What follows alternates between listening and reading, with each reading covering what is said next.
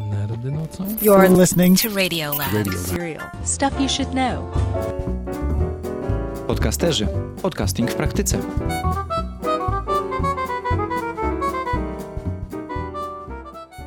Czy podcasting może pomóc w biznesie? A może ma szansę wykreować Twój biznes i przyciągnąć Ci klientów? Jak to wygląda w przypadku niewielkich, niekorporacyjnych projektów? No i jak to się robi w praktyce? To najczęstsze pytania, które dostaję, gdy opowiadam, czym jest podcasting.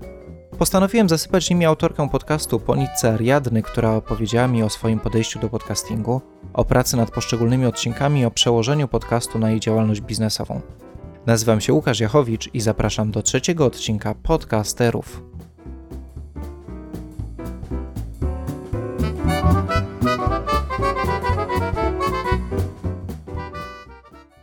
Opowiedz naszym słuchaczom, kim jesteś i czym się zajmujesz. Nazywam się Ariadna Wiczling i prowadzę stronę i podcast ponitceariadny.pl. Zajmuję się uczeniem kobiet i nie tylko, e, robienia kursu online i wspieram technicznie, ale również tak e, motywacyjnie te osoby, żeby, żeby zrobiły, ukończyły swój kurs online, który w założeniu ma im dać wolność finansową, wolność pracowania z miejsca, z jakiego chcą, e, utworzenie takiego biznesu online. Niedawno obchodziłaś pierwszą rocznicę istnienia swojego podcastu. Co daje ci podcasting? Bardzo lubię podcasting. Sama lubię słuchać podcastów. Od kiedy jakby zrozumiałam, jaką siłę, jaka siła tkwi w tym, że ja mogę zdobywać wiedzę, czy inspirować się, motywować się, wykonując inne czynności, na przykład e, czy sprzątając, czy gotując, no to po prostu jakby nowy świat się otworzył przede mną. I teraz słucham podcastów codziennie, czasami kilku nawet. No i po prostu chciałam też w podobny sposób komunikować się z ludźmi. Niespecjalnie lubię pisać, więc wchodzenie w blogowanie nie, no nie, nie było to w ogóle dla mnie jakaś opcja nawet. Kiedyś próbowałam mieć bloga, strasznie to męczyło mnie, że oj, musi się ukazać artykuł i tak dalej, nie wiem. Podcast niby jest taki sam, bo z założenia powinno się podcastować regularnie, tak żeby słuchacze wiedzieli, że mogą na nas liczyć. Natomiast blogowanie dla mnie było cierpieniem. Natomiast podcasting to jest coś, co, do czego wydaje mi się nawet, że mniej się przygotowuję, niż bym miała napisać artykuł. Natomiast podcast daje jeszcze dodatkowo tak, taki przekaz werbalny. Można przekazać jakieś emocje, bardziej jesteśmy w stanie danej osobie zaufać lub nie, polubić lub nie, co uważam, że jest ważne, bo nieważne, nie chodzi o to, żeby wszyscy nas lubili, tylko chodzi o to, żeby właściwe osoby nas lubiły. To chyba, chyba to są wszystkie powody, dla których y, lubię podcasting. Nie lubisz blogować, nie lubisz pisać, ale za to jesteś obecna w mediach społecznościowych. Co chwilę cię można też zobaczyć na Vimeo czy innym YouTubie. Czy Twoim zdaniem podcast ma szansę zaistnieć, podcast zaczynający, ma szansę zaistnieć bez wsparcia innego medium, typu właśnie YouTube czy blog? Czy warto w ogóle zaczynać podcasting, jeżeli nie masz ugruntowanej pozycji w innym medium? To znaczy tak, jeżeli zaczynamy tylko od podcastu, to będzie dużo trudniej rozbujać ten podcast, niż jeżeli już mamy zbudowaną jakąś publiczność, czy w mediach społecznościowych, czy w jakiś inny sposób. Ja swoją publiczność zbudowałam przez robienie webinarów, również w mediach społecznościowych. Bez mediów społecznościowych to właściwie sobie nie wyobrażam, żeby podcast można było tak porządnie rozhulać. W tej chwili podcasting w Polsce jest na tyle mało popularny, że sam w sobie, jeżeli jest jedynym medium, to jest czymś takim bardzo, bardzo niszowym i coś, co jest to raczej trudno, żeby istniało samo w sobie. Natomiast jeżeli to chcemy mieć jakieś takie większe zasięgi, żeby więcej osób nas słuchało, no to trzeba posłużyć się jeszcze jakimiś tam dodatkowymi, chociażby mediami społecznościowymi. To nie jest jakoś dużo pracy. Też dobrze jest być w kontakcie z słuchaczami, bo jak nagrywamy podcast i niespecjalnie mamy kontakt ze słuchaczami, no to tak troszeczkę jakbyśmy w takiej bańce sobie siedzieli i nagrywali. Także to powiedzmy dla szczęściarzy może wystarczyć, jeżeli oni akurat będą takie treści dawać, których ludzie rzeczywiście potrzebują, natomiast zwykle potrzebna jest jakaś taka informacja zwrotna od słuchaczy, żeby się z nimi kontaktować, co ich interesuje i tak dalej, jakie tematy. I wtedy to też dodatkowo napędza podcast. Także jakby nie tylko ta reklama, nie tylko to, że ludzie widzą, że podcast się ukazuje nowy, ale też to, że, że po prostu widzimy ich reakcje. Czy dla Ciebie podcast to jest bardziej biznes, wsparcie biznesu, czy po prostu hobby? Dla mnie podcast to jest wsparcie biznesu. Podcast mój to jest forma content marketingu, czyli pokazywania treści i w ten sposób prowadzenia swojego marketingu, czyli dawania ludziom znać o sobie, że tak powiem. Mój biznes sprzedaje kursy online, uczę jak robić kursy online i w moim podcaście rozwiązuję problemy osób, które chcą budować kursy online. Nie uczę ich dokładnie, jak zrobić to, bo to jest w moim płatnym produkcie, zresztą przez podcast ciężko byłoby to zrobić. Natomiast są inne rzeczy, z którymi te osoby potrzebują pomocy i to im daję w podcaście. Za darmo. Potrafisz mniej więcej ocenić, jak duże przełożenie podcast ma na Twój biznes? W czasie ostatniej sprzedaży mojego kursu zrobiłam trochę taki test, można by powiedzieć, bo chciałam sprawdzić, e, cały rok podcastuję, kosztuje mnie to czasu i też trochę pieniędzy. Także chciałam wiedzieć, czy, czy ta inwestycja się rzeczywiście zwraca, czy, czy warto to robić. I osoby, które kupiły kurs, dostały taką ankietę na początku, Zawsze wysyłam taką ankietę i oczywiście bardzo polecam wszystkim, żeby się dowiedzieć, dlaczego ludzie kupili i po prostu jakie są ich motywacje, czy też nawet gdzie się dowiedzieli o mnie i tak dalej. No i ja między innymi zapytałam, czy słuchają mojego podcastu. I spośród wszystkich klientów, którzy odpowiedzieli na ankietę, było bardzo dużo, duża część odpowiedzi, większość zdecydowana odpowiedziała na ankietę. 76% z tych osób słucha mojego podcastu. I na pytanie, czy słuchanie mojego podcastu dało im, czy jakoś pomogło im w podjęciu decyzji o kupnie tego kursu, to 90% powiedziało, że tak. Dodam jeszcze, że ze sprzedaży tego kursu zysk mojej firmy wyniósł 30 tysięcy złotych, także to jest tylko jedna edycja, a prawda, podcast kosztuje dużo, dużo mniej. Skoro już e, jesteśmy przy kosztach podcastingu, czy Twoim zdaniem trzeba zaczynać z wypasionym mikrofonem i wspaniałym studio i oprogramowaniem za miliony? No, chyba już sam, samo pytanie sugeruje odpowiedź, którą zresztą wiesz, że, że mam takie zdanie. Zdecydowanie nie. To jest coś takiego, co trochę oczami przewracam, jak nieraz e, słyszę porady. Jakość jest bardzo ważna dźwięku, dlatego że to jest coś takiego, co jest jedynym, e, jedyną formą przekazu, prawda? Bo nie ma ani obrazu. Zresztą, jak jest obraz, to też dźwięk uważam jest najważniejszy. Natomiast Musimy pamiętać o tym, że ludzie słuchają nas w jakimś w miarę hałaśliwym otoczeniu, czyli gdzieś tam jadą do pracy, czy w samochodzie, czy, czy nawet w czasie sprzątania, czy nie, nie jest tak, że słuchają y, tego na słuchawkach w nocy y, ze złotymi kablami i tak dalej i wyszukują y, każdego szmeru i każdego jakiegoś tam niedociągnięcia. Najważniejsza jest treść, najważniejsze, że to jest, że, że to, jest to, czego chciałoby się y, słuchać. Natomiast oczywiście nie, nie można przesadzać i jakiegoś takiej rozmowy w jakości, jakby ktoś nagrywał rozmowę przez telefon, tak dokładnie to słychać, no to, to już jest trochę przesada, bo wtedy też ciężko zrozumieć oczywiście. Ale dla osób początkujących coś takiego jak nagrywanie słuchawkami od iPhone'a totalnie wystarczy, nagrywać nawet na komórkę, jeżeli mamy tyle miejsca na telefonie i, i po prostu troszkę to tam obrobić i to zupełnie wystarczy. To jest taka jakość. Teraz po prostu te mikrofony są tak dobrej jakości, że dla osoby, która zaczyna, która chce się sprawdzić, która chce zobaczyć, czy, czy podcasting to jest coś dla niej, to ja bym nie inwestowała. Nawet wcale.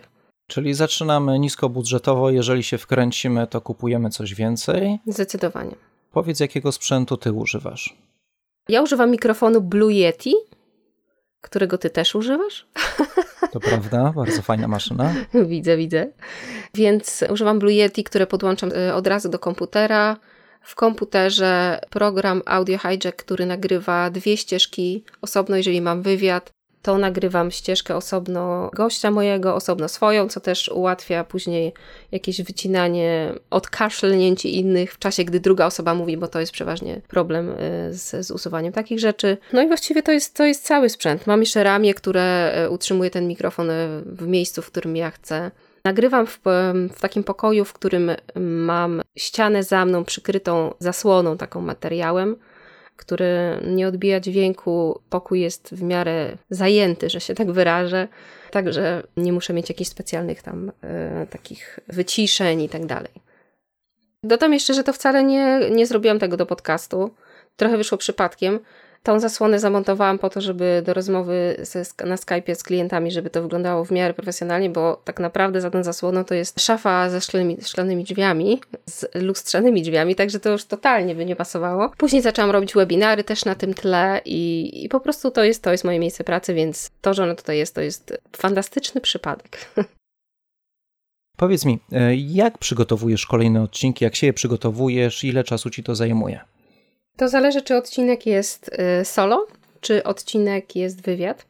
Powiem dla obu przypadków. Jeżeli mam odcinek, w którym sama y, mam jakąś lekcję, że tak powiem, no to przystępuję do całego researchu. Najpierw ja zawsze bardzo dbam o to, żeby wiadomości, które podaję, były sprawdzone co najmniej w kilku źródłach. I też podaję też przykłady takie, które z życia, że tak powiem, Dużo źródeł moich jest z amerykańskich blogów, amerykańskich kursów i tak. Natomiast staram się, żeby to były takie informacje, które możemy też u siebie użyć w Polsce, że nie tam jakieś. No nie, niektóre czasami amerykańskie pomysły trochę się nie sprawdzają u nas, ale większość zdecydowanie można przynajmniej przetestować. Przygotowuję sobie taką prezentację w keynote, która ma, zawiera po prostu takie główne punkty, co chcę powiedzieć. Na pierwszym slajdzie jest, że nazywam się Ariadna Wiczling, tak żebym czasami nie zapomniała. I po prostu y, omawiam to jakby taką prezentację, przestawiam sobie slajdy cichutko y, guziczkiem i, i po prostu omawiam to. Także Zwykle przed nagraniem podcastu raz chociaż sobie e, prezentację przećwiczę po to, żeby się nie zamotać i też sprawdzić, czy jest dobry taki przepływ, że tak powiem, flow. Przed zaczęciem nagrywania też robię jakieś tam ćwiczenia, rozgrzanie aparatu mowy, takie rzeczy, no to powiedzmy nie dla każdego może być oczywiste. Natomiast jeżeli mam wywiad, to jest troszeczkę więcej, że tak powiem, e, zabawy z tym, bo no, trzeba e, się umówić z daną osobą, nagrać wywiad, i później przeważnie jest tak, że wywiad wysyłam do edycji, do mojego edytora. On składa ten wywiad i ja przesłuchuję i później dogrywam takie intro i outro, czyli o czym będzie dany odcinek i później jakiś taki krótki komentarz. Albo też lubię dodawać coś takiego, o czym była rozmowa, jakie były najważniejsze punkty, żeby słuchaczom utrwalić to, co było najważniejsze w czasie rozmowy. Ile mi to zajmuje czasu? Wydaje mi się, że gdzieś około kilku godzin. Przygotowanie takiego swojego podcastu. Później też dodatkowym czasem jest też publikacja wpisu na blogu. To zwykle zajmuje mi najwięcej czasu, właśnie opisanie jakoś tak i później jeszcze napisanie newslettera do moich e, subskrybentów o tym, że ukazał się nowy odcinek. Zwykle w newsletterze daję jakąś inną historię, coś, e, dlaczego akurat ten odcinek, dlaczego akurat ten gość, co to ma wspólnego jakby z moim prywatnym życiem, jak to się, może jak do tego wywiadu doszło, coś staram się dla subskrybentów mieć takiego ekstra. No i tyle. Odcinek się ukazuje. A jak docierasz do rozmówców, których nie znasz? Przeważnie osoby, które są osobami, yy, gośćmi w moim podcaście, są osoby, które znam albo osobiście, albo przynajmniej z mediów społecznościowych, y, czy nie wiem, jakiejś wymiany maili, coś w tym stylu. Też muszę powiedzieć, że dosyć ostrożnie dobieram gości. Nie jestem jakimś tam mega podcasterem czy coś takiego, że mogę sobie tam być jakaś wybredna. Natomiast to, co robię, to po prostu przejęłam inicjatywę, jeżeli chodzi o dobór gości i wybieram gości, co do których mam zaufanie, co do których wiem, że mają dobrą wiedzę, nie są jakimiś tam e, spamerami internetowymi i tak dalej, bo to czasami różnie, różnie bywa. Jeżeli kogoś się nie zna, no to można, można wtopić po prostu. Później się okaże za parę miesięcy, że ta osoba ma jakąś tam niedobrą opinię na przykład, czy coś w tym stylu i też cień pada na nasz podcast. Także jeżeli to jest osoba, z którą nie mam jakiegoś bardzo osobistego kontaktu, to na przykład jeżeli wiem, że to jest znajoma znajomej na przykład, no to wtedy jakoś y, proszę o polecenie, coś w tym stylu. Jaka jest Twoja opinia na temat rozmówców anglojęzycznych? Na przykład ostatnio Twoim gościem był Ryan Holiday i Ty zostawiłaś oryginalną ścieżkę dźwiękową, ale tak generalnie, jeżeli jesteś polską języczną podcasterką, powinnaś tłumaczyć, czy zostawiać oryginał?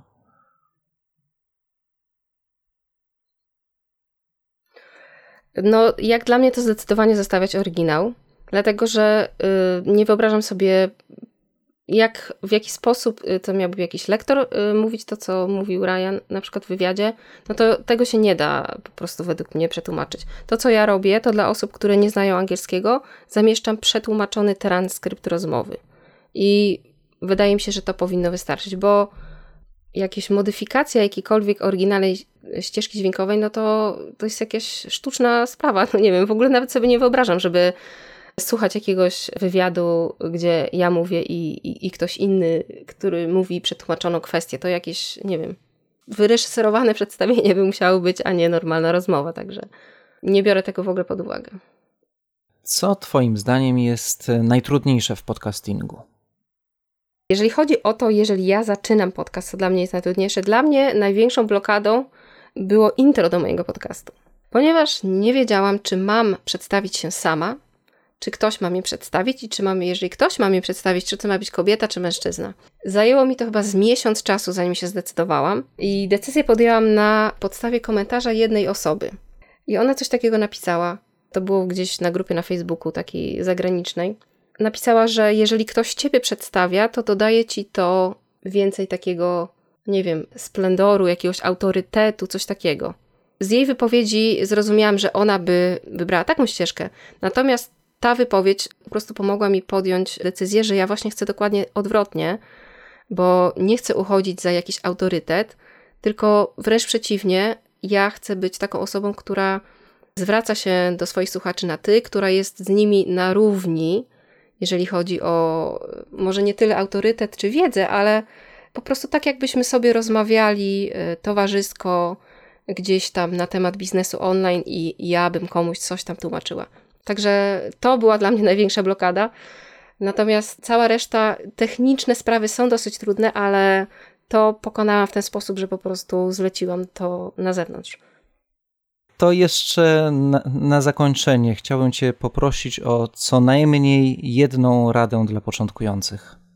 To myślę, że będzie to, co już powiedziałam, czyli nie przejmować się sprzętem na początku. Są, wiem, że jest też blokada taka, jeżeli chodzi na przykład o wybieranie muzyczki i tak dalej. To wszystko można zmienić. Także tym się nie przejmujcie. Nagrać kilka odcinków na początek. Bo zaczynanie podcastu, zrobienie wielkiej promocji, wielkiego halo, co uważam, że jest bardzo ważne dla podcastu, po to, żeby później jakby tą całą robotę puścić z parą, to jest troszeczkę y, nie fair ani dla twórcy, ani dla słuchaczy, którzy będą chcieli więcej. Także sprawdzić się, czy to jest dla nas, czy to jest coś takiego, co nam się podoba, co chcielibyśmy robić regularnie. Nie musi to być co tydzień, nie musi być co dwa. Może być nawet raz w miesiącu. Chodzi o to, żeby było coś takiego, że ludzie wiedzą, że mogą się spodziewać nowego odcinka i będą mogli subskrybować y, do tego podcastu. Także przede wszystkim za bardzo się nie przejmować i no, ruszać po prostu. To, że, że się zdecydujemy na, na ten podcast, to, to jeszcze nie jest koniec świata. To nie jest ani małżeństwo, ani jakieś, nie wiem, wyrycie z krwią jakiegoś przyrzeczenia i tak dalej, tylko po prostu na początku spróbować i jeżeli nam się to spodoba, jeżeli to będziemy robić, to wtedy, wtedy już to, już to potraktować bardziej poważnie. Wow, to było trochę konkretów, prawda? Dziękuję Ariadnie za poświęcony czas. Efekty jej pracy znajdziesz na stronie ponicariadny.pl oraz oczywiście w każdej porządnej aplikacji do podcastów. Odnośnik do strony Ariadny znajdziesz też oczywiście w materiałach do dzisiejszego odcinka, które wrzuciłem na stronę podcasterzy.pl. Tam też odnośnik do profilu facebookowego, na którym co jakiś czas puszczam ciekawostki około podcastowe oraz oczywiście odcinki archiwalne. Pamiętaj, że adres lukasz.podcasterzy.pl jest do Twojej dyspozycji. Też znajdziesz go na stronie podcasterzy.pl w zakładce Zadaj pytanie. W czwartym odcinku podcasterów postaram się odpowiedzieć na pytania, które w międzyczasie do mnie spływają. Jeżeli w dzisiejszym odcinku znalazło się coś interesującego dla Ciebie, podziel się proszę informacją o podcaście ze swoimi znajomymi. To dla mnie największa nagroda, a dla Ariadny promocja. To co? Do usłyszenia za dwa tygodnie?